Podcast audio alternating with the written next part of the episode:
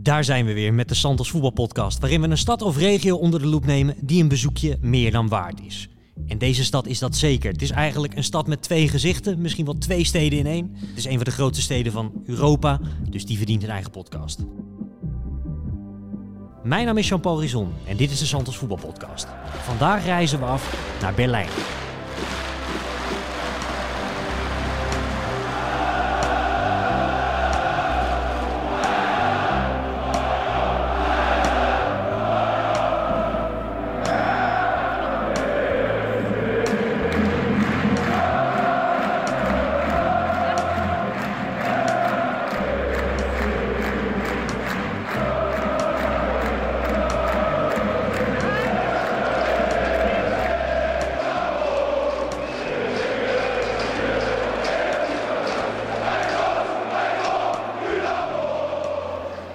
Dat doe ik natuurlijk niet alleen tegenover mij zitten. Bart Vlietstra en Sjoerd Monsou, beide hoofdredacteur van Santos.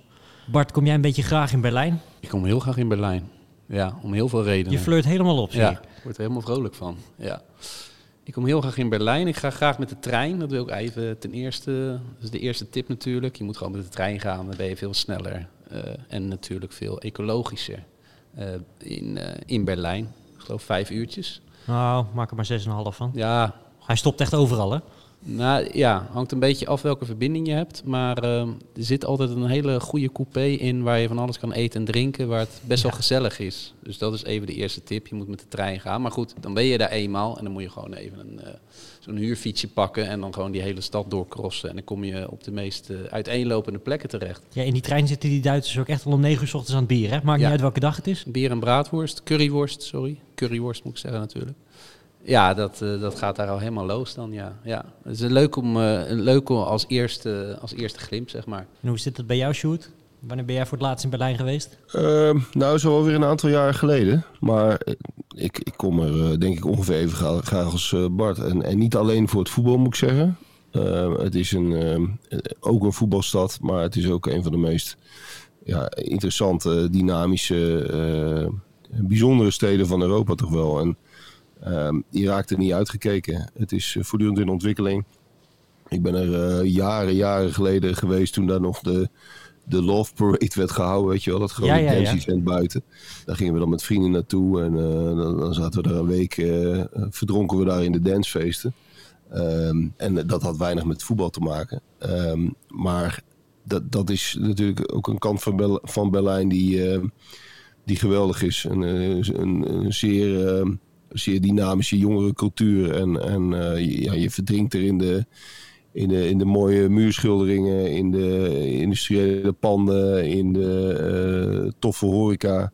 Ja, je raakt er gewoon niet uitgekeken. En, en dat, dat, daarin heeft Be- Berlijn weer een heel eigen vibe. Eh, ik ben zelf meer van, eh, van Londen. ehm, maar Berlijn is, is, is ook echt uniek in dat opzicht. Ja, wat ik ook wel bijzonder vind aan Berlijn is... Duitsers staan altijd toch wel bekend om hun punktlichkeit en organisatietalent. Dat lijkt toch in, in, in Berlijn wel een beetje weg te zijn, hè? Dat, dat vind ik wel bijzonder. Het is echt een soort vrijstaat in dat opzicht ook. Ja, Berlijn is echt los, zeg maar. Het valt me ook al op dat, dat het lijkt wel of de hele wereld aan het verberlijnen is. Eh, je ziet overal eh, oude industrieterreinen of eh, oude rangeerterreinen... die worden dan een beetje in Berlijn-stijl weer gepimpt, zeg maar. Proberen ze allemaal, hè? Ja, ze proberen het allemaal na te maken. Dat is een soort, ja, heel grof gezegd, oude meuk die eh, verhipt wordt. Waar ineens toffe koffiebarretjes komen, eh, eigen brouwerijtjes, gekke theatertjes. Ja, dat, dat is op zich een leuke, een, eh, een leuke ontwikkeling. Alleen eh, het echte Berlijn vind je in Berlijn. Niet heel verrassend. Nee, ja, ik moet zeggen, ik ben er eh, laatst dan een keer geweest, voor het eerst pas, in, in april. Toen heb ik wel praktisch alle voetbalclubs langsgelopen, dus dat was mooi. Maar dan maak je toch ook even het verplichte rondje wat je, wat je moet maken. Hè? Eh, der Linde, je kan eigenlijk het hele liedje van het Klein Orkest kan je gewoon nalopen. en, en dan kom je overal, van de Kurfürstendamm tot Unter der Linde. En eh, eh, ja, Charlottenburg. Charlottenburg, ja, daar, daar komen we natuurlijk zo bij het voetbal op. En, maar goed, ook de geschiedenis heeft natuurlijk een hele bijzondere wending gekregen in Berlijn. Dus waar ook nog best veel van te zien is. Dus dat, dat is natuurlijk ook wel interessant. Want je kan je toch haast niet voorstellen. Ja, jullie kunnen je dat beter voorstellen, maar dat er gewoon een muur dwars door die stad liep. Dat, dat vind ik nog altijd. eh, ik, ik ben net van na de val van de muur, dus ik heb het allemaal net niet meegekregen. Maar daar kan je ook nog genoeg van terugzien. Ja, Ja, ik heb het allemaal op tv gevolgd. Het was eh, indrukwekkend. Maar goed, laten we naar het voetbal gaan. Laten we naar het voetbal gaan. Ja, beginnen we dan in Oost of in West-Berlijn? Ja, met de grote gespreksleider, hè? dus het is zeg Ja, maar. nou, de- nu doe je me wel heel veel, eh, dicht je me wel heel veel eer toe. Nou, ik denk dat we eigenlijk misschien maar in Oost-Berlijn moeten beginnen, want dat is leading momenteel.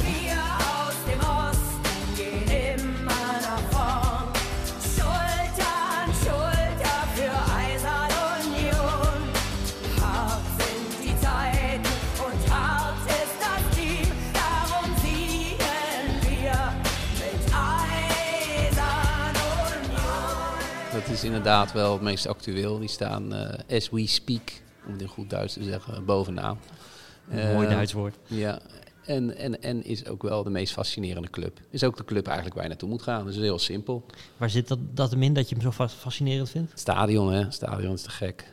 Eh, Aan hem, eh, Försterij. ja, ik ga hem even niet uitspreken. Doe jij dat Ik wou net zeggen, Ja. wie spreekt hem als eerste uit? Ja, ja dit is, dat is gewoon eh, een geweldig stadionnetje in het bos. Hè. En vernoemd naar het oude boshuisje in de buurt. Dat tegenwoordig dienst doet als fanshop. Dus een tikje vercommercialiseerd Nou, is. het, het, is meer een, eigenlijk een soort secretariaat. Dus het, het is niet helemaal plat. Want ik, ik ben er laatst toevallig even geweest dan. Ze hebben een fanshop, die zit er wat achter. Oké, En hier kan je nog wel terecht voor je servicevragen en je kaartjes. Maar het is op zich nog steeds een keurig huisje. Dat zou in de Efteling kunnen staan. Het heeft Ja. iets Anton Pieck-achtigs. Maar eh, ja, dat is natuurlijk al te gek. En dat hele stadion eh, ja, is, is, is, is heel authentiek. Hè. Je vindt nergens zo'n stadion volgens mij. Hè. Met voornamelijk eh, staanplaatsen. Wel overdekt, best wel goed opgeknapt ook de laatste jaren. Moet ook wel door de successen van Union. Maar ja, wat, mij, wat, wat ik het gaafste vind, is dat stenen gebouwtje waar ook het scorebord is. Ehm, en dat is geen normaal scorebord, maar er komt een mannetje uit dat gebouwtje. Een echt mannetje trouwens. ja, ik wou net zeggen, dit klinkt heel plastic. Maar er Nee. komt gewoon een, een man die gaat ook gewoon naar huis en zo na de wedstrijd. Ja, een man met een goede Duitse snor. En ehm, die haalt dan, eh, als er gescoord wordt, eh, dan gaat hij de, de scoreborden letterlijk eh, vervangen. Dat is al eh, subliem. Hoe is jouw beeld bij Union, eh Sjoerd? Ja, dat, dat past in het rijtje eh, eh, linkse cultclubs. Hè? Dat, daar heb je er natuurlijk een hele reeks van. Die hebben we hier ook in al deze podcast regelmatig voorbij laten komen. En daar hoort Union ook bij. Ehm, heel lang in de, in de krochten van het Duitse voetbal gespeeld. Althans, niet op het hoogste niveau. Ehm, nu natuurlijk een beetje een hype geworden. Doordat ze eh, nou, toch wel redelijk sensationeel gepromoveerd zijn. En het inmiddels hartstikke goed doen. Maar de, de cultuur van Union is natuurlijk eh, super interessant. Met Nina Hagen. Ja. Met, eh, met het Weihnachtszingen. Hè, dat, dat, eh, die traditie om eh, met z'n allen in een stadion kerstliedjes te gaan zingen. Ook zoiets merkwaardigs. Ehm, het is een, eh, ja, een atypische club met een heel eigen identiteit. En daar houden we over het algemeen wel van natuurlijk. S- Sindsdien gekopieerd in heel Duitsland. Hè? Maar dat komt allemaal bij Union vandaan, inderdaad. Eh, wat zal het zijn? Een week voor kerst? Dat, ze daar, Ja. eh, dat je daar als supporters met z'n allen samenkomt en aan kerstliedjes gaat zingen. Ja, dat is prachtig. Mogen we niet te snel aan voorbij gaan, vind ik. Weihnachtszingen is in, in 2003 begonnen met een groepje van 89 fans. En daarna werd het steeds groter en groter. En ehm, ja, er wordt glühwein gedronken, kaarsjes gebrand, eh, kerstliedjes gezongen, maar natuurlijk ook voetballiedjes. Een hele, hele bijzondere sfeer. Und dann machen wir gleich weiter. Auf Seite 22. Stille Nacht, heilige Nacht. Seite 22.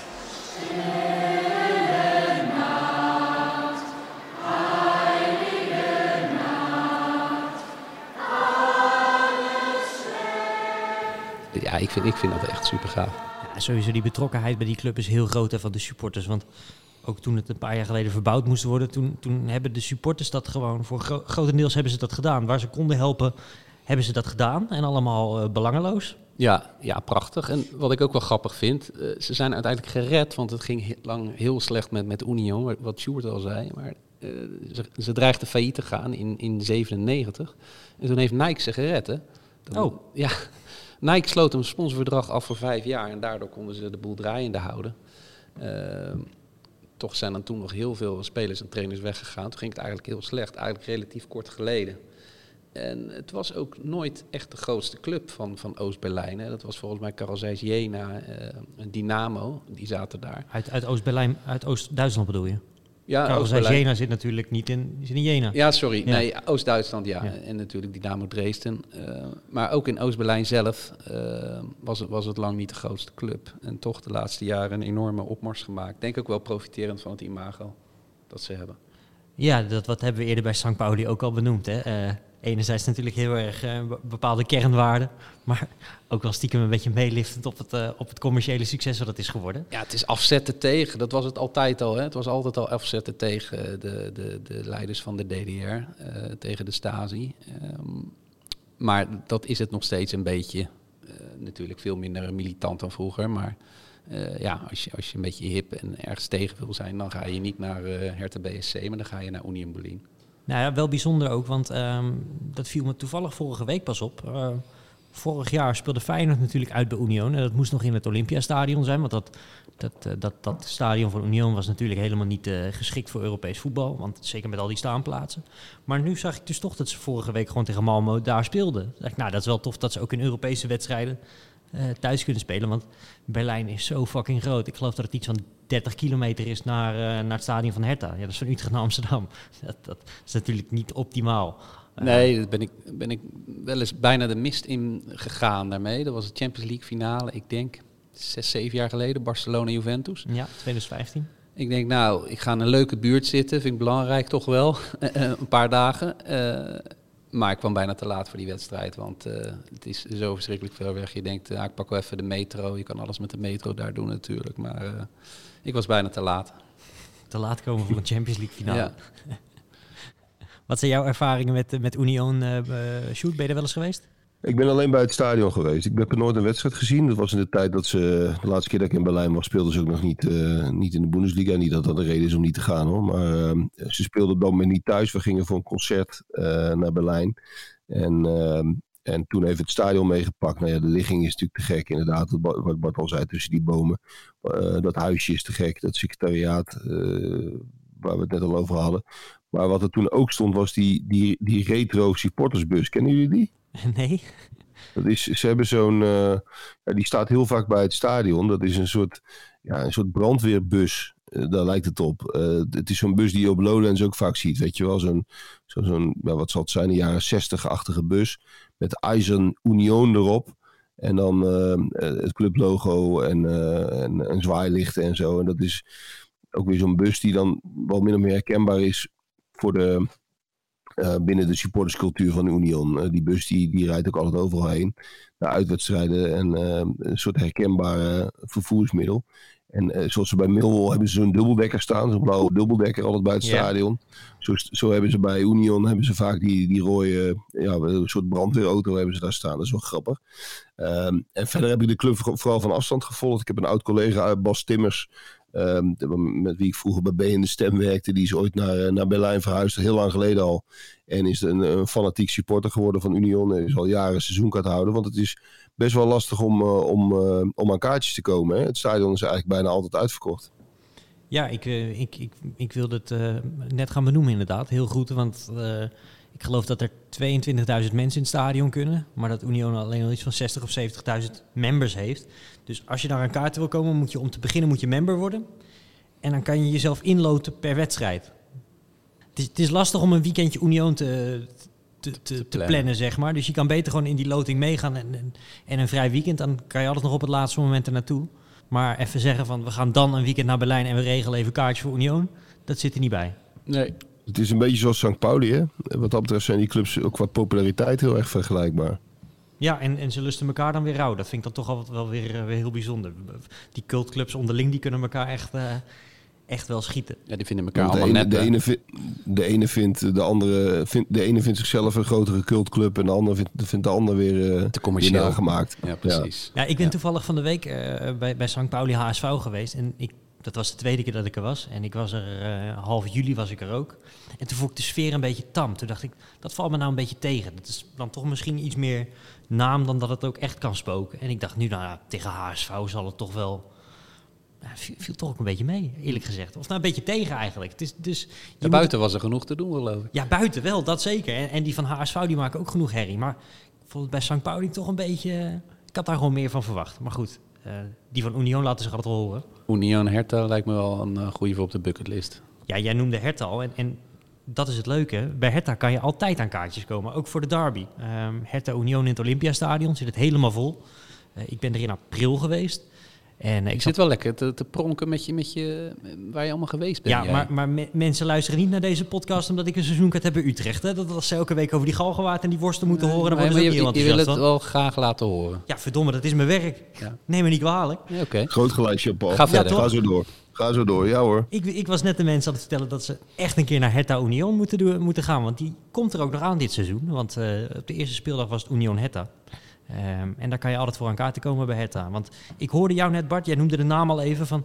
Jij zei van, eh, als je in Berlijn bent, ga je natuurlijk niet naar Hertha. Ik proefde daar wat negativisme in. Waar komt dat vandaan? Ja, ik heb liever, ik heb veel meer met, met stadions op een bijzondere locatie, in een bos dus, zoals eh, dat van Union, of in een hele oude, toffe volkswijk. Maar goed, dat, dat zie je steeds minder. Hertha ligt in een groot park met allerlei andere ehm, eh, sportstadionnetjes. Hè. Een heel groot zwemstadion. Het is natuurlijk ook het Olympisch Stadion, dus dat is natuurlijk de achterliggende gedachte. Maar daar heb ik net wat minder mee. eh, qua omgeving, maar het stadion zelf is wel echt schitterend eh, gerenoveerd. ik geloof een decennium geleden, maar wel echt op prachtige wijze gedaan. Voor het WK van 2006, hè? Ja, en de, de, de opzet eh, was al heel fraai, vond ik. Hè, met die grote pilaren, met, eh, met allerlei eh, afbeeldingen erop. En dat hebben ze schitterend weten te Die nazistische bouw bedoel je? Ja, ja, daar moet je van houden. Maar ik, vind het, ik vind het wel mooi. Ja, van, van, van een afstand is het ook echt prachtig met die twee hoge torens. Hè, van de zijkant met die Olympische ringen ertussen. Dat hebben ze echt schitterend opnieuw opgezet. Ze hebben het gezandstraald, geloof ik. Alleen maar. Maar toch ziet het er echt eh, super fraai uit. Een soort marmer is het. Qua associaties is het heel dubbel. Of zelfs, eh, het, heeft, het heeft wat meer dan twee, twee kanten. Eh, je hebt inderdaad dat, dat nazi-verleden. Het stadion natuurlijk gebouwd voor de Olympische Spelen van 1936. Nou, dan, kun je het, dan kun je het uittekenen wat voor, wat voor uitstraling dat moest hebben. Ehm, en dat maakt het historisch natuurlijk ook weer heel interessant. Hè? De, aan het einde van de oorlog zijn er ook, eigenlijk op dat Olympische park, zijn, zijn er nog heel veel jonge Duitse soldaten omgekomen toen de Russen binnenkwamen kwamen vallen. Nou, het is nog heftiger zelfs. Het waren echt jongetjes van de Hitlerjugend. Ze hadden echt helemaal niemand meer. En hebben ze gewoon duizenden jongetjes op afgestuurd. Het is echt tragisch. Ja, maar dat gebeurde ook allemaal daar. Dus er, er ligt natuurlijk ongelooflijk veel, ligt ongelooflijk veel historie. Ook natuurlijk met de Olympische Spelen van 1936 op zichzelf al. En ehm, het is inderdaad zo'n typisch Olympisch stadion. Waar je over het algemeen niet heel vrolijk van wordt. Omdat dat van die grote bakbeesten zijn met een sintelbaan. Hè? Dat, dat, hebben we in eh, Londen hebben we dat besproken. En eh, het Olympisch Stadion van Rome heeft dat natuurlijk ook. En tegelijkertijd heeft dit wel eh, zoveel bijzondere architectonische kenmerken. Met die pilaren ook. En, en dat, dat, dat je het wel gezien moet hebben. En, en niet misschien met, eh, met hetzelfde idee als eh, we gaan een keer naar Union. Maar het is wel zo'n stadion dat, dat wel in een, ja, in, in een rijtje van eh, bijzondere Europese stadions hoort. En volgens mij staat het ook in ons eh, 365 boek prominent, toch Bart? Ja, heel prominent. Heel groot verhaal van David Winner daarover. Die is er ook helemaal door gefascineerd geraakt door dat stadion. Kracht zit hem erin dat het onder de grond ligt. Tenminste, het veld ligt heel diep. Hè? En ze hebben dat nog dieper laten, liggen bij die, laten leggen bij die renovatie. Dus dat ligt heel diep, waardoor je toch, ondanks die Sintelbaan... die blauw is, die er best wel fraai uitziet voor een Sintelbaan... eh, toch nog vrij eh, dicht op het veld zit. Dat hebben ze heel slim gedaan. Maar het is een wel lastig sfeer maken hè, voor de mensen van Hertha. Want ze krijgen het natuurlijk nooit vol. Want Nee. Her- Hertha is een, is een vrij populaire club in Berlijn. Alleen toch lijkt het altijd alsof het niet leeft. Omdat het gewoon toch alleen tegen Dortmund, Bayern en Union vol zit. Ja, klopt. Het is, het is een gigantische bak en het is ook het grootste stadion qua zitplaatsen. Dus ja, dat staansfeertje dat je bij Union hebt, dat heb je daar veel minder. Eh, ze zijn wel heel druk met tyfo's en allerlei uitingen. Het is helemaal blauw, dus dat ziet er best tof uit. Tenminste, als het vol zit. Dat is een beetje het probleem. Ook door de prestaties van Hertha, die, die over het algemeen gewoon tegenvallen. Ja, wat, wat wel grappig is aan die derby ook, dat, dat, Hertha en Union zijn eigenlijk traditioneel een beetje vriendenclubs. In de tijd van, van dat de muur nog overeind stond, ehm, gingen er vaak Hertha-fans nog kijken bij Union. Gewoon naar wedstrijden in Oost-Berlijn. En fans van Union die gingen dan weer mee als Hertha in een communistisch land speelde. Dus als die, laten we zeggen, een uitwedstrijd hadden in Polen, dan gingen er fans van Union die gingen mee. En dat is eigenlijk altijd een beetje zo gebleven. Ook na de val van de muur speelden ze een oefenwedstrijd tegen elkaar. Vol Olympiastadion, al die trabantjes eromheen. Maar ja, dat, is vaak, dat wordt toch vloeibaar op het moment dat de kleine broer in één keer de grote naar de kroon steekt. En eh ja, Hertha flirt natuurlijk al jaren met, met degradatie, is ook een paar keer gedegradeerd. En Union dat promoveert en dat doet het eigenlijk vanaf meet af aan, doen ze het fantastisch. En dan merk je toch dat dat niet helemaal lekker zit eh, in West-Berlijn. Nee, het is een beetje Sparta dat Feyenoord overstijgt. Dat Ja. is wat daar nu aan de gang is eigenlijk. En dat, eh ja, eh, Hertha is toch echt wel de grootste club in Berlijn. Zal dat ook blijven. Wordt, wordt van vader op zoon doorgegeven naar elkaar. Dus, dus ja, dat is, dat is natuurlijk te gek. Het is blauw tegen rood. Mooi. Ja, Hertha wil al heel lang een nieuw stadion. Hè? Pal naast het Olympiastadion. Eh, voor iets van 50.000 man. Dat zou dan wel elke week vol zitten. Ben je daar een voorstander van? Nee, ik zou het wel zonde vinden als ze dit stadion zouden verlaten. Ik weet niet wat er dan met dit stadion, of daar alleen nog maar atletiekwedstrijden worden gehouden. Maar ja, ik, ik vind het geweldig om, eh, om daar naartoe en ook in de catacomben te lopen. Dan zie je ook al, de, al die, eh, ja, ook alle sportprestaties van Duitsland door de jaren heen worden daar verbeeld. Dus dat is echt, echt gaaf om te zien. Vanuit clubperspectief is het denk ik wel logisch. Hè? Want Hertha heeft geloof ik iets van 40.000 leden of zo. Hè? Dus, dat, dat is best veel, maar dat is geen eh, Barcelona om het zo maar te zeggen. En dan speel je in een stadion van 72.000 man. Dat is natuurlijk nogal, eh, nogal een verschil. En bovendien is het, is het, het stadion commercieel natuurlijk nauwelijks te, interessant te exporteren. Er zijn, eh, er- zijn andere ontvangstruimtes, althans fatsoenlijke ontvangstruimtes voor sponsors en dat soort dingen. Ik neem aan dat ze het huren. Zouden we ons even in moeten verdiepen, maar ik neem aan dat ze gewoon een huurprijs moeten betalen. Dus het zal eh, zakelijk veel slimmer zijn om een eigen stadion te hebben. Schat ik zo in. Ja, het zou dan wel ook op dat Olympiapark moeten verschijnen. Ik geloof pal naast het eh, Olympiastadion, maar daar zijn ze nog niet helemaal over uit. Ehm, wat wel tof is, nu in ieder geval als je er bent. Je hebt dus je hebt die opening eh, op de korte zijde, waar dan vroeger de Vurer alle trouwe kameraden stond toe te juichen en toe te wuiven.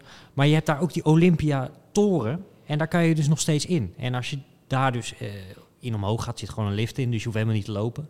Eh, dan heb je ja, een prachtig uitzicht A over dat stadion, maar eigenlijk over heel Berlijn. En dan zie je eigenlijk hoe ver het ook van de stad af ligt. Ja, mooi. Ja, eh, maar Berlijn, ja, toch ook wel een van de echte voetbalsteden van Europa, denk ik, Sjoerd. Want er zijn denk ik drie, in West-Europa heb je drie steden die qua grootte een beetje met elkaar kunnen wedijveren. Dat is dus Londen, Parijs en, en Berlijn. Dan is Berlijn toch ook wel, zeker vergeleken met Parijs, een hele serieuze voetbalstad met al die clubjes. Ja, met al die clubjes wel. Maar het is natuurlijk ook heel lang een, een beetje een voetbalstad geweest dat die onderpresteerde. Hè. Hertha was, was een middenmotor in de Bundesliga. En dat was de enige club in de Bundesliga heel erg lang. En al die andere clubjes die speelden regionaalliga of tweede Bundesliga of zelfs nog lager. Ehm, dus historisch gezien is dat natuurlijk waar. Er zijn ook heel veel clubs. Er is natuurlijk een, door, de, door de bijzondere geschiedenis van die stad heb je ook heel veel eh, ehm, eh, bijzondere clubs met een, met een aparte geschiedenis. Hè. Je, hebt, je, had, je hebt vroeger Voorwaarts Berlin gehad. Ehm, daar heeft eh, volgens mij Feyenoord nog tegen gespeeld in 1970. Tijdens dat Ja. toernooi dat ze, dat ze wonnen. Eh, in het rood en geel. Ehm, dat was echt een legerclub. En heeft vrij, relatief kort bestaan. Is op een gegeven moment een beetje naar, naar de buitengebieden verbannen. En is toen, is toen verdwenen. Je hebt dat BFC Dynamo. Dat bestaat wel nog steeds. Hè? Ja, gaan we het zo even over hebben? Oké, maar dat, dat, dat is de, de- een beetje de, de, dubieuze Stasi-club van oudsher, hè, als ik het goed Ja. heb. En, Ja, en, dus je hebt wel heel veel, je hebt inderdaad heel veel clubs, maar, maar het is niet een voetbalstad à la eh, Londen natuurlijk, eh, of à la Madrid of Barcelona, waar, ehm, Ja. waar grote successen zijn gevierd en waar roemruchte clubs ehm, uit zijn voortgekomen. Hertha en Union zijn natuurlijk in feite eh, twee modale Duitse clubs.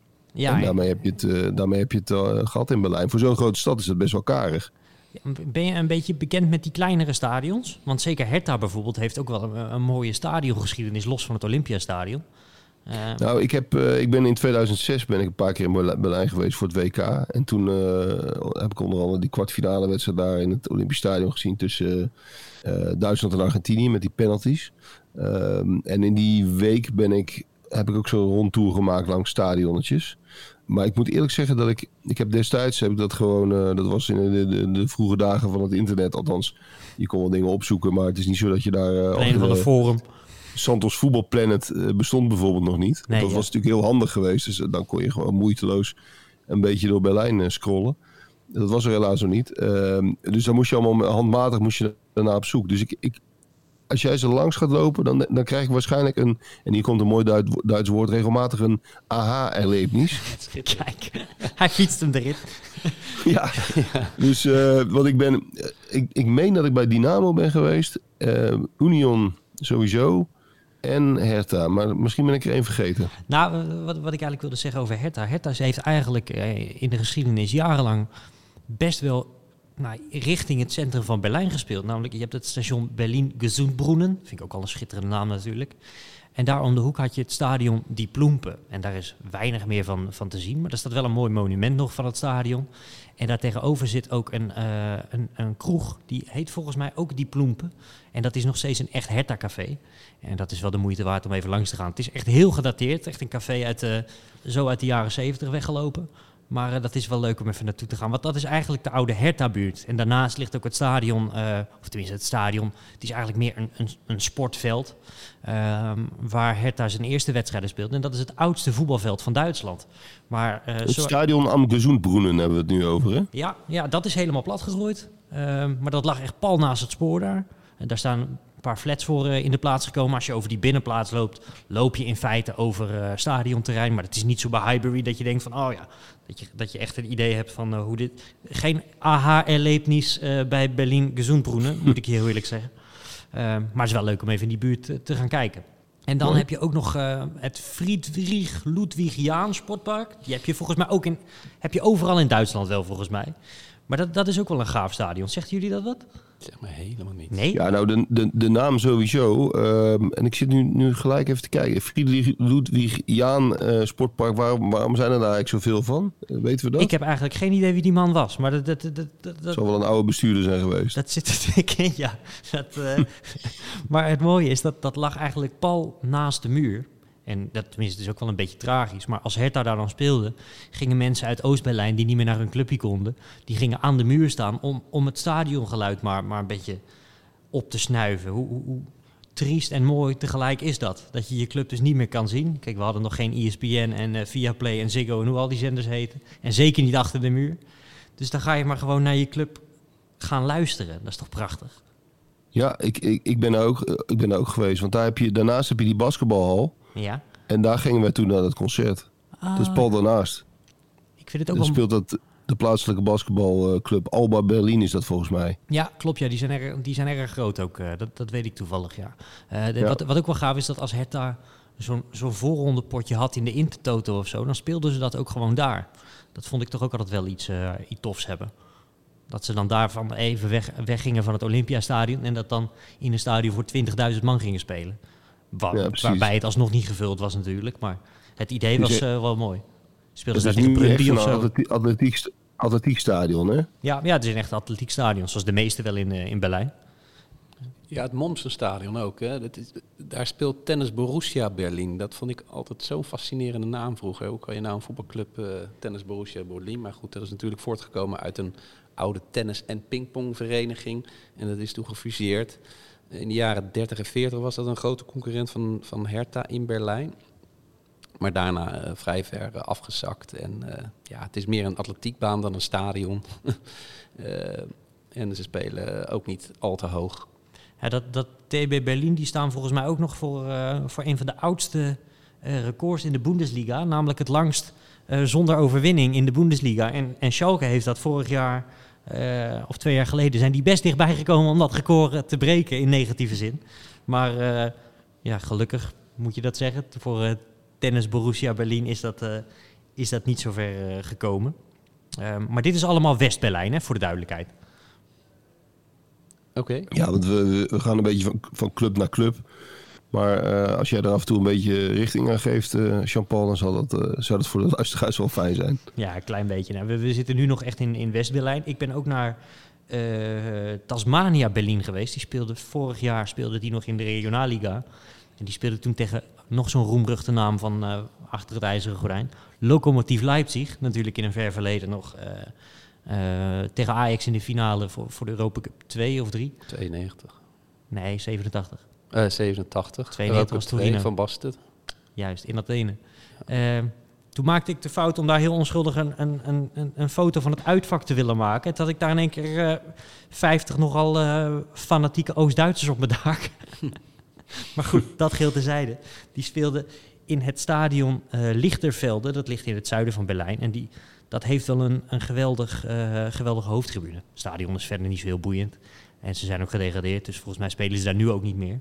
Maar ehm, eh, wel de moeite waard om even te gaan kijken. Maar dat BFC Dynamo, Sjoerd, dat is een hele interessante club. Niet per se om, om, om leuke redenen. Neem ons even mee. Nee.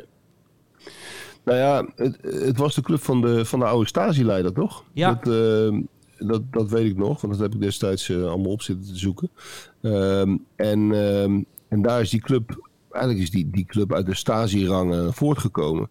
Eh, wat je niet meteen zou denken als je het, het logo ziet. eh, de club is opgericht eh, officieel in 19, eh, 1966, maar het is eigenlijk, dat was eigenlijk een soort doorstart.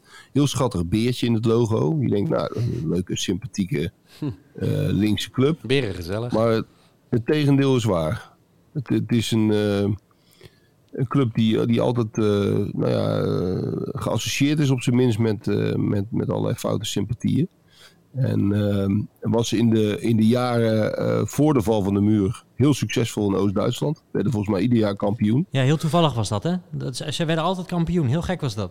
Ja, had niks met de scheidsrechters te maken of, eh, of met de competitieleiding. Nee, maar die, toen waren ze heel succesvol. En eigenlijk met de val van de, van de muur eindigde ook het succes van Dynamo.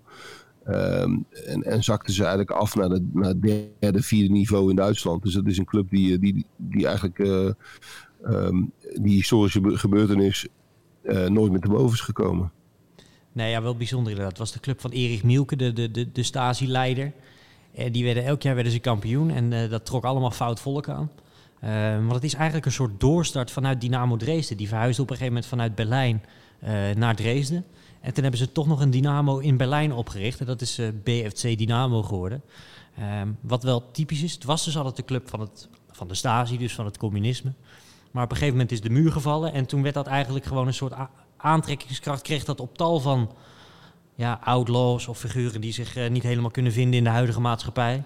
En ontstond daar eigenlijk ook wel een hele eh extreem rechtse groep, zeg maar. Waardoor het nu Ja. een van de meest beruchte clubs is in, in de hele Bundesrepubliek. En overal waar zij komen worden alle verloven ingetrokken. Maakt niet uit op welk bedenkelijk niveau ze spelen. Ehm, maar dat, dat, is, dat is wel heel bijzonder. Want ik ben er een wedstrijd geweest in het sportforum Hohenschönhausen. En dat was eh, Dynamo tegen Carl Zeiss Jena. Dus echt zo'n oude DDR-kraker. En nou, dan, wat je daar dan voor tafereelen ziet, dan waren je ook ergens in Polen, weet je wel. Sowieso de hele setting tussen echt van die verschrikkelijke DDR-flats. Eh, maar ja, vinden we stiekem toch ook wel weer leuk. En dan zo'n afgeplankt stadion, wel helemaal vol. En dan eh, twee supportersgroepen die elkaar eh, naar het leven staan. En nog echt van die ouderwetse staantribunes, toch? Met van die, met van die hekken. Ja, ja, precies. En daarachter, die, die staantribunes die lopen dan allemaal tegen een soort graswallen lopen die op. En eh, daarachter kan je, kan je bier halen en een, eh, een curryworst. Maar heel veel mensen met opvallende gezichtstattoos, rare piercings, eh, vreemde jackies. Dingen waar je toch wat, wat verkeerde associaties mee krijgt. Het is niet de gezelligste club van Berlijn. En, maar ja, desalniettemin wel heel interessant om, om even te bekijken. Ze hebben ook een kantine. Ja, dat is een soort bruin café, maar dat is ook een soort... Ja, dat is wel een plek waar je goed om je heen kijkt. Overal wordt binnen gerookt, wordt, wordt gezopen. Iedereen doet eigenlijk maar wat. En eh, ja, wel weer heel anders dan, eh, dan West-Berlijn. Is het extreem rechts of extreem links? Nou ja, het, het is inmiddels dus een beetje extreem rechts geworden in bepaalde eh, geledingen die dan daar hun plek hebben gevonden.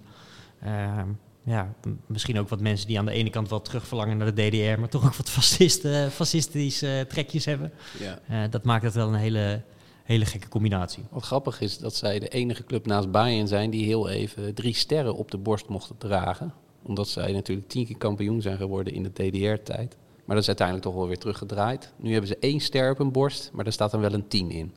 Een mooi Duits compromis. Ik weet trouwens ook niet of het hetzelfde is, maar zij hebben ehm, in hun logo zit ook een, een specifieke D. En dat, dat lijkt precies op die van Dynamo Kiev. Ja. Ik weet niet precies wat daar de gedachte achter is. Nou, ik kan het je meteen vertellen als je, als je, dat, eh, als je dat wil. Nou ja, heel graag zelfs. De oorsprong gaat terug eh, naar 1954, toen het team van eh, Dynamo Dresden naar Berlijn verhuisde. Dus daarmee is het eigenlijk verklaard. Andersom toch? Ik, ik, mijn, mijn informatie is, het team van Dynamo Oh, Dresden ja. ging naar Berlijn. Oh, ik, heb, ja, ik had het andersom in mijn hoofd. Ik dacht dat ze vanuit Berlijn naar Dresden gingen. Maar goed, maakt verder niet uit. Interessante voetbalstad in ieder geval, Berlijn. Eh, zijn jullie wel eens bij Lichtenberg geweest? Nee, dus maak ons gek. Ja, ook nog in Oost-Berlijn heb je dus Lichtenberg. En die spelen in het Hans Zuske stadion. En dat is best wel een gaaf stadionnetje met, met, met, met staantribunes rondom. En eh, het stelt allemaal weinig voor. Maar pal daarnaast ligt eh, het Stasi-museum. Ehm, ik geloof dat dat ook de plek is waar de mensen hun archieven nog in kunnen zien en zo. Wat je dus kan, eh, kan vinden wat je halve voetbalteam over jou eh, allemaal voor verborgen agenda erop nahield. Of de buurman die het vertelde als je ruzie had gehad met je vrouw. Dat kan je daar dus allemaal terugvinden. Maar bovenal is het wel interessant, want je hebt daar ook het, eh, het kantoortje van die Erich Mielke. En dat staat dus pal naast dat, eh, dat stadion Lichtenberg, want zo heet die wijk ook. Ja, dat is op zich ook wel een gaaf ding. Mooi. Zijn we dan nog wat vergeten? Ja, het standbeeld dat bij SV Lichtenberg staat. Van Ja. schrekken. Ja, dat Ja, is er staat, er, staat een, er staat een werkelijk fascinerend standbeeld. Ehm, d- daar had ik wel eens plaatjes van gezien. Ik, ik ben er dus niet geweest. Je hebt het waarschijnlijk wel gezien. Ja, nu je het zegt. staat ja. voor de ingang staat er een, eh, een, een wonderlijk standbeeld van een, van een voetballer in zijn onderbroek. Een soort gespierde voetballer in zijn onderbroek. De- Je weet niet wat je ziet. Ja, meer kan je er niet van maken. hè? Nee, het is een, eh, het is een beeld van, eh, van Schrekken. En dat is een oud voetballer van, eh, van, van eh, Lichtenberg. Maar waarom hij in godsnaam in zijn onderbroek is, is afgebeeld. Het zal waarschijnlijk zijn om zijn enorme kracht eh, te symboliseren. Want het is een soort bo- bodybuilder, dat, dat beeld. Ehm, maar het, het is wonderlijk. Ik heb nog nooit zo'n voetbalstandbeeld gezien. Ehm, het leuke aan Berlijn is eigenlijk, en dat, dat heb je dan wel weer een beetje met, met Londen. Ehm, er worden tal van wedstrijden gespeeld, maar ook vaak allemaal op verschillende tijdstippen. Dus als je het een beetje goed plant, kan je op, op ehm, moet ik het even goed zeggen, kan je op vrijdagavond naar een wedstrijd, eh, vroeg op zaterdag, laat op zaterdag, zondag vroeg, zondag laat. En dat maakt het wel heel, heel geinig. Ik heb toen, in, ik geloof in drie dagen, vijf wedstrijden gezien. Dat, dat, Voor, de echte nerds is dat natuurlijk een Valhalla. ja, ik heb, ik heb bijna niks van de stad gezien. Nee, dat had ik op donderdag allemaal al gedaan. Maar dat was wel lekker, weet je wel. Want dan, eh, die combinatie vind ik ook leuk. Want dan ging je op zaterdagmiddag ging je naar, eh, naar Tasmania om 12 uur. En dan eh, had je om half zeven s'avonds had je de derby, Hertha tegen, eh, tegen Union. Ja, dat is natuurlijk best Gek. lekker te combineren. En ook, ook, voor, ook voor Berlijn geldt eh, dat je het natuurlijk prima aan de hand van, van het voetbal kunt ontdekken. Ook aan de hand van het uitgaansleven trouwens. Zou ik er nog even aan toe willen voegen. Al moet je niet met je vrienden, dat is ook nog even een, een tip, in de Berlijnse modeweek eh, gaan. Want dan eh, kom je nergens binnen. Is dat zo? Ja, althans, dan moet je van tevoren goed regelen. Want dan zijn al die, die discotheken die zijn allemaal afgehuurd door allerlei modemerken en modellenbureaus. Wat hartstikke leuk is, maar be- behalve als je, als je met vijf vrienden bent. Want dan, eh, dan kom je er niet zo snel in. Dus dan moet je op zoek naar een eh, meer alternatief feestje in de, in de buitenwijken in eh, Oost-Berlijn. Je spreekt ervaring uit, of niet? Ja, ja, absoluut. Ja, de eerste avond stonden wij, werden wij overal vriendelijk verzocht om weer te vertrekken. We hebben er natuurlijk wel iets op gevonden, want we laten ons niet eh, zomaar eh, aan de kant zetten. Nee, natuurlijk niet. Nee, je moet uiteindelijk moet je natuurlijk even een list, bedenken en een paar leuke Duitse dames zover zien te krijgen om mee te gaan. En dan komt het allemaal goed. Maar ehm, Berlijn heeft wel af en toe ehm, een, een, een streng deurbeleid. Het is niet zo dat je, dat je, dat is een beetje hetzelfde als wat je in Londen vaak treft. Dat als je met, met vriendengroepen of uh, voetbalelftallen erheen gaat, moet je wel even van tevoren bedenken wat je gaat doen. Want anders ja, kun je voor gesloten de- deuren komen te staan. Dan wil je naar een hipfeest en dan eh, kom je er niet in. Zou toch jammer zijn. Overigens zie ik nu, want ik begon net heel enthousiast over dat standbeeld eh, te praten van die Schrekken. Die, die trouwens Tim Schreckenbach heet. Ja. Een, een voormalige speler van eh, Lichten, eh, Lichtenberg. Ja. Ehm, dat, dat hij inmiddels toch een tenue weer aan heeft. Hij, is, hij heeft daar heel lang in zijn onderbroek gestaan. Maar op een gegeven moment hebben ze hem een te- tenue overgeschilderd. Dus je ziet nog steeds een hele foute bodybuilder eh, in, een, in een voetbalpak. Maar nu Klopt, met een ja. shirt aan. Ik zat ook al even in mijn foto's te scrollen, ja. Heb jij verder nog algemene tips over Berlijn, Bart? Je zei al, ga met de trein. Ja, ga met de trein. Had, dat is helaas dicht. Dat is wel jammer voor jou trouwens. Het Curryworstmuseum is gesloten. Oh, dat, dat was Ja. iets, daar, daar had ik me wel, eh, wel kunnen vermaken, ja. Ja, een ideale driedaagse voor jou is volgens mij eerst die stad verkennen, dan al die voetbalclubs en dan de volgende dag alle verschillende curryworsten proberen. Maar dit, ja, de curryworst is sowieso een, een enorme aanrader. Ehm, maar ja, dat museum is dicht. Dus Ja. slechte tip. Uh, mosterd, mosterd naar de maaltijd, Ja. mosterd naar de curryworst. Het is 3 november wel Union tegen Union, eh, maar wel in België. Klopt, ja. Union Saint-Gilloise tegen Union Berlin. Dat lijkt me wel echt een waanzinnige wedstrijd, ook qua sfeer. Dat is in, eh, in Leuven, is dat. Dus daar kan je wel aan kaarten komen ook. Kijk, dat, dat weten echt de kaarten, de kaarten op de kop. Ja, want, want bij Union Saint-Gilloise mag je in Europees gespeeld worden, want die mogen nog geen, eh, die mogen nog geen hekje veranderen. dan. Klopt, klopt. Het gaat maar vooral om de sfeer eh, tussen, die, de- tussen die twee supporterskernen, wat volgens mij wel een beetje overlapt. Maar ja, ze zullen elkaar wel weer eh, de, allerlei ziektes wensen. En de derby is 28 eh, januari eh, bij Hertha. Kijk, dat is een hele mooie. Dat, dat was ook mijn tip. Eh, doe jezelf vooral niet tekort met het affiche. Want eh, in dat gekke Olympiastadion, er zijn altijd plekken te krijgen. En uiteindelijk loopt het wel vol voor die derby, maar eh, dat komt uiteindelijk toch wel goed. Want ze gaan altijd in de vrije verkoop. En dan heb je ook nog best wel ruime keus om aan kaartjes te komen. En dat zal dan ook wel weer op een mooi tijdstip voor de tv worden uitgezonden. Of worden gespeeld, moet ik zeggen. Dus ik zou zeggen massaal naar Hertha tegen Union. Ja, laten we dat afspreken dat we daarheen gaan. Ja, nou, ik ben er al geweest. Dat kunnen trouwens mensen kunnen daar ook nog gewoon over lezen. Want daar heb ik ooit een artikel over geschreven. Maar dat kunnen ze allemaal nalezen op santosvoetbalplanet.nl. Ehm, daar kan je ook meer lezen over Hertha en Union onder andere. Ehm, dus dat lijkt me sowieso een goede tip. En niet alleen over Hertha en Union. Hè? Tal van andere clubs in Europa kan je allemaal vinden op santosvoetbalplanet.nl. Dit was de podcast voor deze week. Ehm, heb je nou nog niet genoeg van ons? Check dan vooral ook even de reeks Op zoek naar Oranje. Daar hebben we deze week de eerste aflevering van online gezet. Waarin we elke week aan de hand van een oranje boek eh, aftellen naar het WK. Deze week was de gast Willem Vissers. Eh, onder andere over zijn boek Meisjesdromen, maar ook over zijn nieuwe boek Leven met Louis. Eh, dat lijkt me altijd een goed plan. En dan zien wij jullie volgende week weer. Tot volgende week.